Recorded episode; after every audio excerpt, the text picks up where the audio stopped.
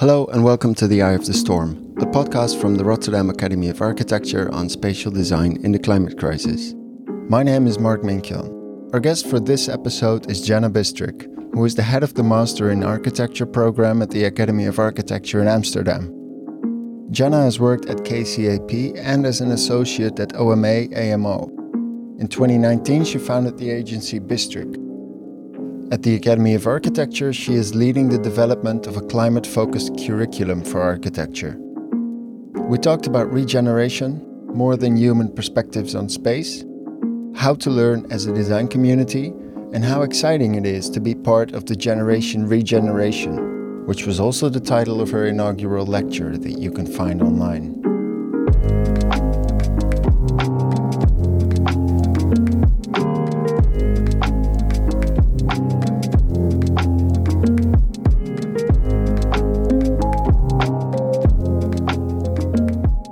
Janna, welcome to the podcast.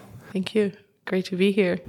Uh, I wanted to talk to you because um, one of the aims of the podcast is to explore what architecture education um, should look like if we were to, you know, educate the practitioners that uh, can make a difference in, in, in the crisis we face today. Um, and you recently took the helm as the head of architecture at the Academy of Architecture in Amsterdam uh, with the ambition to fully reshape the school's uh, architecture curriculum around the climate emergency and ecological crisis. The title of your uh, inaugural lecture, which I've read with uh, great pleasure, is Generation Regeneration.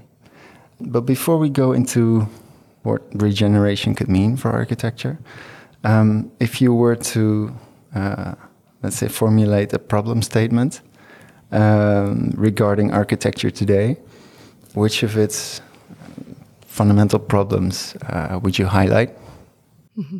Well, that's a that's a big question to begin with. So, um, I think maybe one important way to reformulate it is that we're not fully reshaping the architectural curriculum. I think it's about refocusing and contextualizing everything that happens within the school within the climate crisis. Um, and so that's a kind of a basic given that every project, every research project, the lectures that are being discussed, that they're in a way situated in the crisis. Of course, it all is and it all is all connected, but I think it's also a matter of framing it in such a way that the the relevance of it all becomes apparent and discussable so that uh, when we have a conversation, we don't always have to mention it, but we are aware that that is the framework that we're operating in.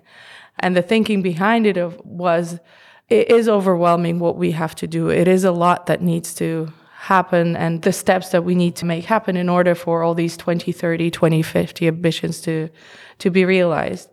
And so what we've started to experiment is that what if we pull it apart? What if we pull apart the questions of material concern, of technical concern, of including other species other than human, uh, talking about economy, talking about policy, and spread that out across the different components of the curriculum.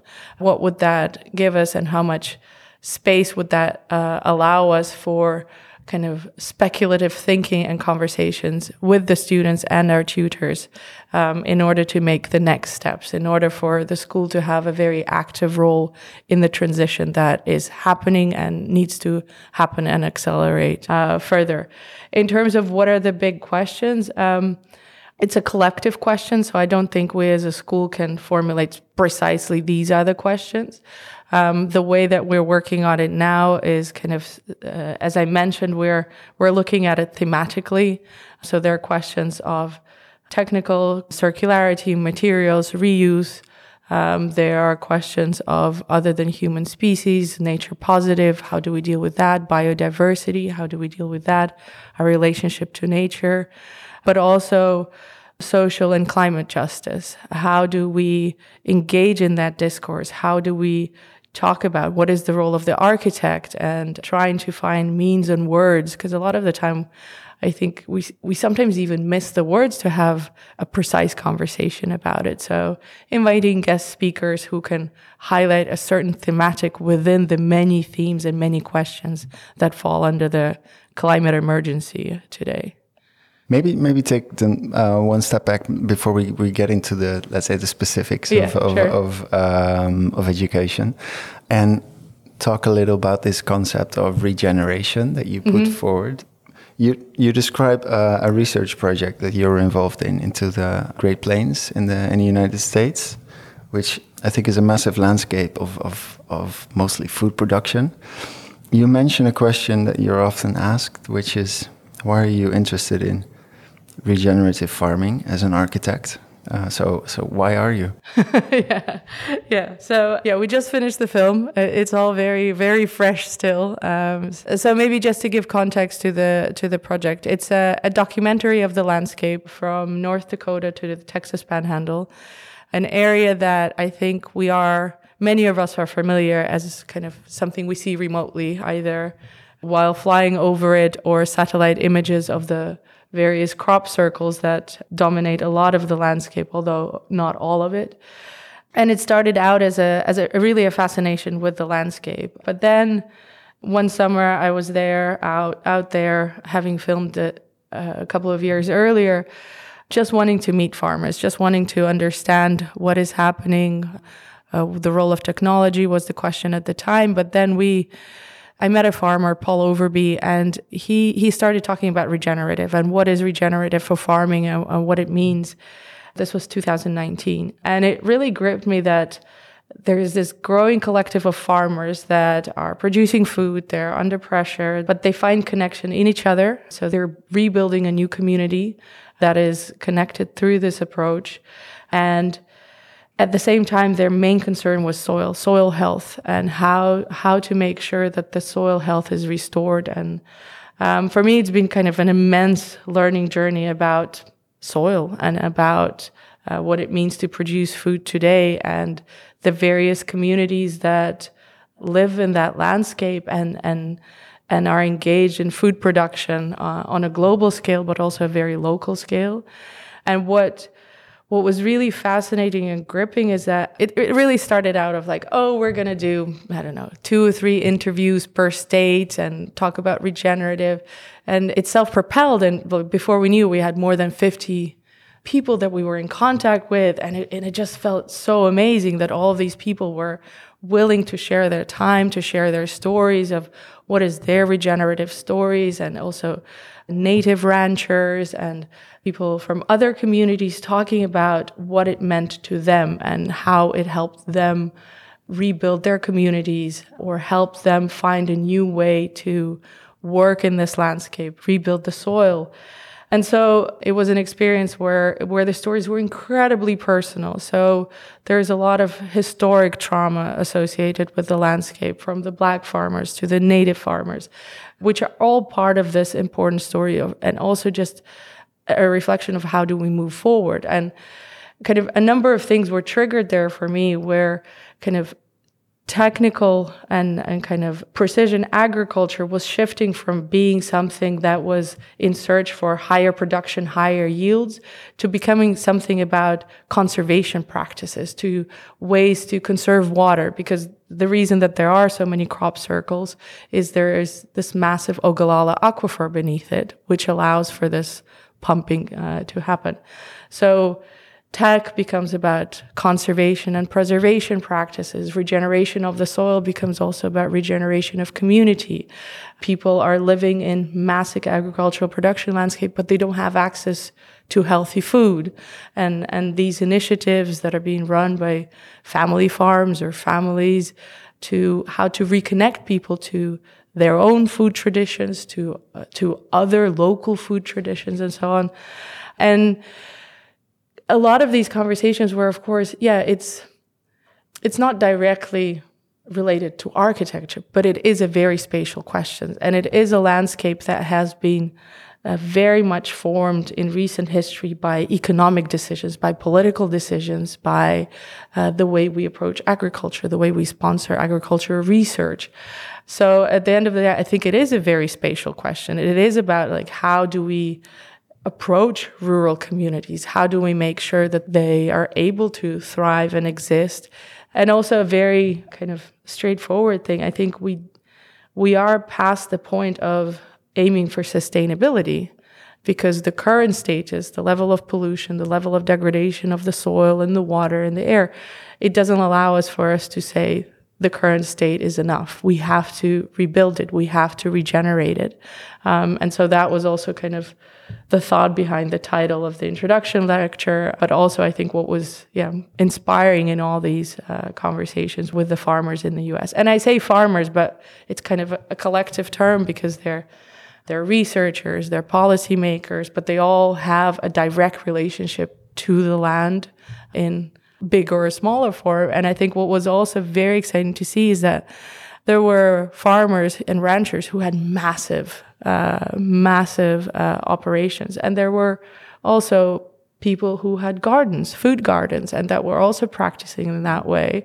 But it was for them a way to connect the community and rebuild their very direct uh, surrounding and environment. So the inclusivity of it and the kind of finding a common language was very inspiring and just yeah, time flew by those fifty uh, something conversations. Yeah, that's fascinating. So it's it's it's a it's a practice, it's a philosophy, perhaps, and and the way you explain, uh, you say I say farmers, mm-hmm. but this includes a wide range of yeah. practitioners or people involved, and if you were to translate this to architecture, I think you talk about the generation of regeneration, and I have the sense that you also talk about architects in the, you know the widest sense of the word, and yeah. so if if you were to um, let's say translate some of these uh, insights that you gained in this research to to architecture, architecture education, what what would be some of these concepts that you would you know hope to uh, foster?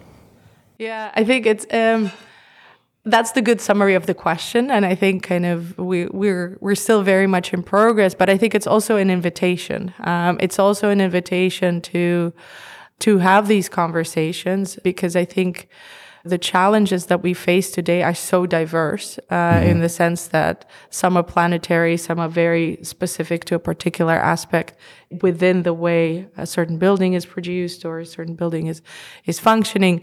That we have to have this community and kind of the way we address the current climate crisis or the stage we're in, it needs to be a community effort in order for it to be successful. So it needs the the various aspects and the various people that contribute and professionals that contribute from big organizations and institutions to small experimental practices to kind of mid-sized practices who are able to do something and try things out. And so I think for the moment, I, I don't think I can be much more specific than that, but I think it is kind of trying to build awareness of how much we need each other at the moment and how much it has to be a conversation which i think is so great that you guys are doing this this podcast because i think conversation is so important. And we were talking earlier is that we have found good ways to celebrate together, uh, breaking ground or the highest point of a building or a building being completed. But we gain so much knowledge during each individual project or each individual effort. And how do we connect on that? And how do we make sure that it doesn't get lost? Uh, because that knowledge is what is really going to help us, I think, uh, in making the next necessary steps. It sounds like more of a, let's say, more of an open source attitude to architecture, to architectural knowledge. Is it open source though? Because I think if you look at, for instance, um, I don't know, we're looking at the Erasmus campus from here. I think if you look at other professions where peer review systems exist, other forms of exchange of information, there they really talk about the method as well, or kind of the things that were gained or learned in a process and then a reflection mm-hmm. on that.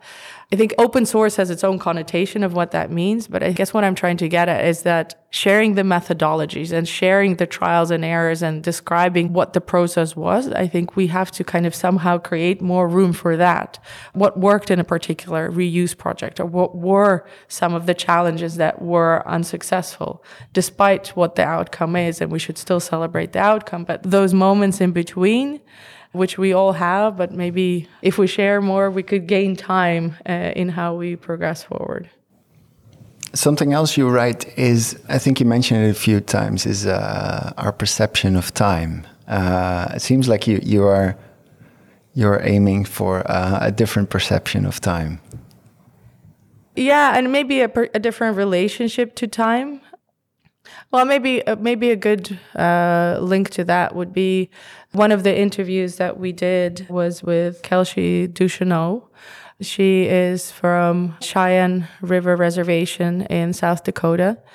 And what I really found inspirational in the conversation with her, in addition to kind of the many wonderful things that she shared about her farm and her ranch and their experience, is that the kind of intellectual ease that she could speak of to the topic of her ancestors and the her future generations that she was able to kind of very eloquently and you can in the way she spoke about it i think was also very clear that kind of this is part of the way that she expresses herself that she she glances 250 years back to today and 250 years forward to today. And i think that is something that we should also explore and experiment and speculate with how do we relate to time. When we build a project how do we relate to its future existence? How do we how what is the effort it requires today? What does the material effort require today in respect to to the future?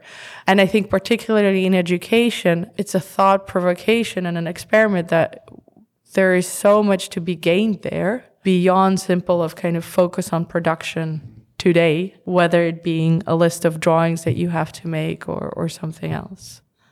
Yeah. Could you get could you elaborate on that a little or give an example of how that could uh, work? Yeah, maybe the difficulty of elaborating is also because I I don't feel like it's a one voice mm-hmm. kind of thing. It's I think it's it's a discussion to be had. How do we relate to time in architecture? How do we relate to the fact that we're building with the ambition that there are generations after us? How do those generations relate to what we're doing? Um, so again, kind of an invitation rather than kind of I think this is the the the answer. Yeah, right. Or or you would need to give uh, a whole variety of examples, perhaps. Perhaps, but I think I'm also just I'm not there yet either, mm-hmm. having not had those conversations yet. Right, right. Yeah. And it's uh, it's not you know solely up to you, right? No, exactly. That's the whole point. It's a it's a collective uh, a collective thing. Yeah. Um, how do you think about the um, debate, or maybe? Uh, dichotomy, I don't know, between degrowth and uh, green growth. Could you uh, could you tell me what you mean by green growth? Um, I think it maybe it's it's um, a little. It refers back to what you said about sustainability, mm -hmm. about sustaining what we have, mm -hmm. uh, but then perhaps in a in a way that doesn't, you know, use up all the fossil resources that we have, mm-hmm. but rather, uh, let's say, continue as we as we are living today, but then switch to batteries uh, mm-hmm. to to simplify it. Now, I maybe should also give a definition of degrowth. No, no, degrowth. I think is yeah. I, I just wanted to understand how you position green growth in this context. So I think one of the biggest challenges perhaps for this transition for the profession in a way is I guess we are all embedded in a particular model, a model that is built on consumption, consumption of materials, consumption of space. And, and how do you transition out of that when there are all these small private, small and large and extra large uh, private entities? And I also see it with with with our students, and you probably as well with with your students because it's a it's a curriculum where they work and they study, so they're positioned between these two worlds. That uh, at the academy we invite them to speculate and like look at what amazing things we can come up with, and in in many instances they have to also work on projects that are not based on reuse, that are based on greenfield development or uh, materials that have to be dug out of the ground. So, how do you make that transition? But again, I think it's a very collective transition that urgently needs to happen. And it's probably one of the most challenging of like, how do you change the economy of your business? How do you change that? And when competitions are not written in that way yet, or tenders are not yet mm-hmm. written uh, in that way. maybe maybe I was just thinking about how do you think about cultural transitions versus uh, you know technological solutions and how those two can maybe work together also in uh, in yeah, the curriculum. Okay, okay. Now I think I get what you're uh, where where you might want to go with this. When we look at kind of how we choose our themes at the academy, we really try to find a balance between because we do need technology. We do need certain technical solutions to support the overall transition. We do need certain material choices to, to make that transition. But we also have to step away and zoom out to understand that we cannot replace one material for another material without changing the consumption pattern or without changing the way we relate to materials overall. And that through reuse, there is a potential to decrease the material gap, decrease the level, and, and kind of that there are certain mechanisms that are bigger than simply the application of a certain material on a certain location. I think we have to talk about degrowth, we have to talk about materials, but we also have to understand that kind of it's also about the relationship to other species. It's the rela- the positioning of the of humans in a larger context. It's understanding that we have to become nature positive. We also have to talk about social and climate justice. And so kind of it, it, it keeps on coming back to this idea of like, yeah, we have to make progress on, on various areas of the transition and kind of not simply focus on materials and reuse and circularity, which are incredibly important part of it. But we also have to think about the economics behind it and that we're not perpetuating the the increasing consumption for to be replaced and replaced and replaced. In a, in a way, this um, the, the urgencies that are that we're confronted with today also can also help focus uh, architecture much more, in, in the sense that I have a feeling that we are past past peak attention to style. You know, the, the more the, the aesthetics of architecture. There's more opportunity to let's say to, to find purpose uh, in that sense. Well, we, you already referred to these uh, like the sharing of of methodologies, um, more of an academic approach to architecture, perhaps, or the, well, the collective approach. Should architecture also become more scientific in that sense? And how how do how do you think that could take place within um, a school like the Academy of Architecture? I, I- yeah, I think it's a, it's a, it's an interesting question that you pose. I think it's an incredibly exciting time uh, to to be engaged in architecture, to practice architecture, acknowledging that there are so many challenges that we're facing at the moment, and and there's also an immense amount of pressure. But nevertheless, I think there is a lot to be excited about, and I think one of the things is that science has been very uh, uh, kind of a very generic statement, but I think still maybe one that needs to be made. There, there's been so much scientific progress in recent history, immense. Whether it's it's about materials, whether it's about economics, whether it's about the environment, there is so much knowledge out there. So I think it's not the architect that needs to become the scientist, but we have so many opportunities for collaborations. And I think it's about finding the right people to collaborate with, understanding in the context of a particular project, whether it's at school or whether it's within the profession of who are the collaborators today.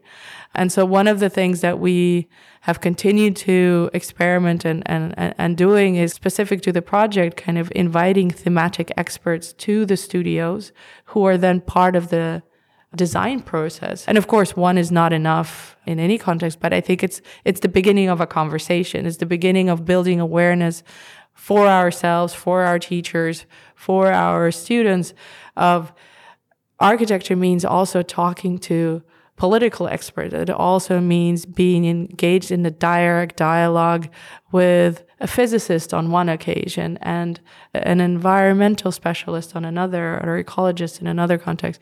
And so kind of trying to really test it, explore it, and be excited about it that we have a new way of collaboration. But at the same time, I think another aspect, which is maybe closer to where you started about um, design, we're moving into an era of, of new materials, like, um, and that means new aesthetics. And I think that's also what is fantastic about today is that it's not that design is over or anything like that. More than kind of, we are at the verge of rediscovering of what is the new aesthetic of what is that. So I think that is also kind of so exciting that we have to do this as a collective. We have to have all these different skills of being able to connect to science, being able to explore and experiment, and then find ways to kind of bring it back, share it, and uh, be excited about it as as we keep on moving. Yeah, but then but it's more. I mean, the the new aesthetic is also rooted in something, right? It's not like deconstructivism, which is like just take everything apart and put it back oh, together. I'm not a or whatever. let's not have a conversation. no, let's not go there. But um, but. Yeah it feels like it's more rooted. I don't know than ever, but it, it's more rooted than perhaps 20 years ago in in something, and the the aesthetics are, are yeah, more but of I an think the kind of the, the social questions are much more rooted in architecture today, and maybe that's what you're what you're referring to. That kind of there is the the the the design question, there is the social question and social responsibility, and then there is the the collaboration with with new forms of expertise that uh, that is there for us to be explored, to be taken advantage of, and taken into consideration as uh, as we design the next project. Yeah. yeah. Um, could you already give an example of how you tested this within uh, within a studio, maybe? Yeah. So for the first year students, for instance, we we have a a, stu- a, a research course which is now called uh, Exact and Social Sciences and Design and it's all kind of the the students pick their preference. And so they work with tutors on a particular terminology or particular term uh, within that spectrum from exact to social sciences to try and find the relationship uh, to their profession. So one one of the studios is exploring the term climate migration what is that? What does that mean? Um, what are the impacts of that? How do we relate to that as architect, and how do we address it in a more systematic way as we build, as we continue to practice our profession? Um, another one focuses on footprint. What does footprint mean in architecture, very literally? Or what is the economic footprint? Or what is the climate footprint of a building? So trying to engage students in, in understanding that terms that we have that are very common practice uh, to us may mean something completely different in other professions, but therein lies also the opportunity for collaboration. In the later years, what we do, uh, what we started doing is that we would have a core team of design tutors, and then they would be collaborating with a thematic expert. Uh, so, for instance, we had a studio last year on bending the curve. So, in anticipation of the biodiversity UN agreement, um, they were looking at several landscapes in the Netherlands of how could you increase biodiversity? How could you make certain design decisions that were nature positive in their legacy? And there we worked with a policy expert who was part of the team. And we also worked with an expert in biodiversity in agricultural landscapes. Mm. Um, and and it was it was fantastic because it was an interdisciplinary studio where you had architecture, landscape, and urbanism students, and by the end you couldn't tell who was who mm-hmm. because kind of they were uh, engaged in a common theme, a common thread, and they all found their own expression and fascinations. If that's an example. Yeah, no, sounds great. It also sounds liberating in a way that you're like collectively like cross or transdisciplinary. I don't know how to yeah, call it. But yeah, yeah, you're, yeah. you're also trying to find like common ground and new like shared language without you know having to stick to the very um, I don't know the jargon of of of that can also be a bit confining sometimes. You're also testing it immediately your ideas with people from different disciplines, yeah. and in that sense, you are also trying to find expressions uh, that make sense outside of the disciplinary uh, yeah, bubble, yeah, yeah, so yeah. to say. No, I, I, I think so. I think and that's and that's also the excitement, also for the tutors who are involved. And can, right now we have two studios uh, running, which are maybe worth mentioning. One is focusing on circularity today. What is circularity? But there, the research component is linked to the history department at the University of Amsterdam. And they're actually looking at the history of circular practices in the city, um, which existed, which had their own expression, uh, were apparently very sophisticated in their organization and in their um, kind of skilled workers were organized. There were places where materials were collected by typology, by scale, to facilitate a very efficient way of dealing uh, with your materials. And in a way, I mean, we could say knowledge that was really lost. Um, so that that's a, a, studio that is kind of looking back while trying to move forward. And then we have another studio where we've invited architect who is uh, very engaged in VR, um, metaverse, and, and kind of trying to understand what that tool, how it could inform our design progress. And, and the focus there is the multi-species. So as part of their research, the students are working with landscape architects who are really focused on uh, other than human perspective. And they're invited to kind of document the reality of so four species on a site, for which then they would use all these digital technologies to try mm. to find means and ways of how do you design in such a way that you are able to incorporate all these perspectives in your design methodology rather than designing from the human perspective and then trying to adapt to yeah. the other species that happen to be in the neighborhood we're starting, we're in progress, and um, but I um, I feel that there is a lot of enthusiasm to be able to talk in these in this way and to be able to open up the conversation and invite people to kind of uh, think along and and and and see what the dialogue also comes out of it. And um, yeah, yeah, fascinating. I'm still struck by this idea of collectivity, of you know co collective collective progress, maybe. It also reminds me of how this this idea of sharing methodologies indeed you already see it like in for example there was a there was a, um, a studio on building with earth mm -hmm. uh, using various techniques and and I had to think of um, architects and, and, and, and communities who are um, working on uh, cooperative housing uh, mm -hmm. projects and they both seem to have like seem to share uh, methodologies a lot, you know, across yeah. projects, across offices. It feels like they're collectively striving for something something better and, and, and that seems like a like a very different approach than the more competitive nature that still also exists in, in architecture today. I think it's interesting how you're you're potentially positioning those two as kind of antipoles because I think um, hmm. What is important to actively focus on is kind of in this new role, or, or I don't want to overuse the word new, but in this role of engaging with these questions that we are facing today, the role of the architect is very much still about kind of this central position of connecting to different knowledges, to different practices, and trying to through that inform a design process. So the designing doesn't go away. The designing, the envisioning, the speculative thinking, it doesn't go away. It's just perhaps a recalibration of what our tools are and what our inputs could be.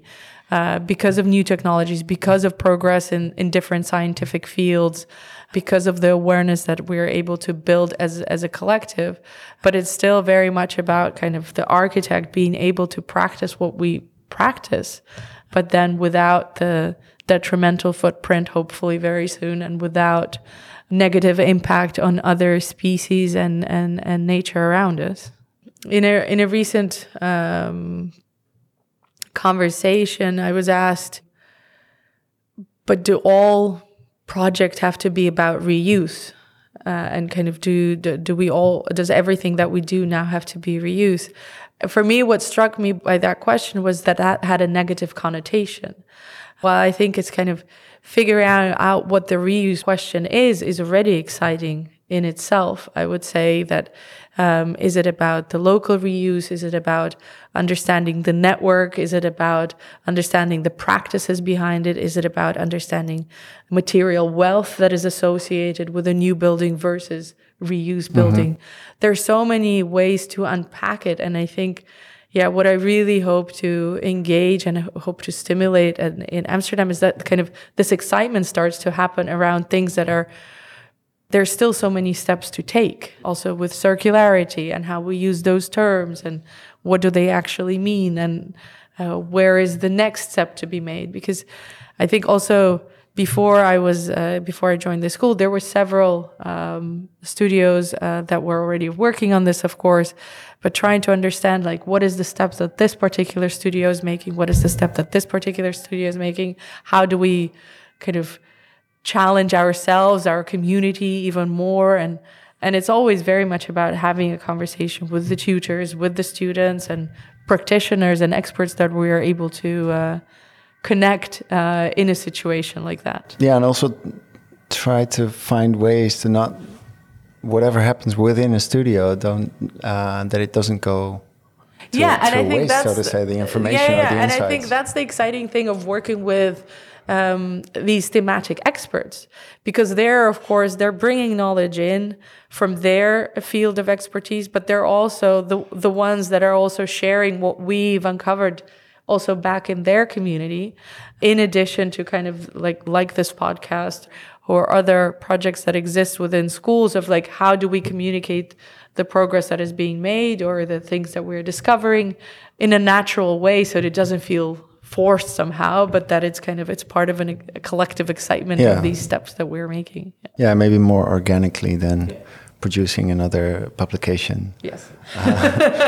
And um, if you were to, I don't know, dream out loud, then uh, what would the what would the curriculum look like, or what would be some of the the, the manifestations of this of of of the new cur curriculum by the time you you you know leave the academy again? right now when i uh, talk about our curriculum or when we're having our conversation i notice that there's certain areas where we're still trying to find words how to connect and how to have a certain conversation. Um, so i think i really hope that within the period that i'm there we've had enough conversations in our community and with the experts from outside that we've at least found the words to be able to talk about other than human species and nature positive perspective fluently. Uh, and that we're also able to relate and focus on kind of what how do we talk in architecture about uh, social and climate justice? How do we talk about the ne- needed change in policy uh, but also terms like degrowth? Like there is a, a certain framework to it. There is a certain understanding like consumption patterns need to change. The way we approach the materials needs to change. But what does that mean and how do we engage as architects with that? Um, so i think that's on a on a conceptual level where i really hope that we we can make those steps collectively fast enough uh, to actually see that happening. Uh, yeah, I'm also searching for words right now.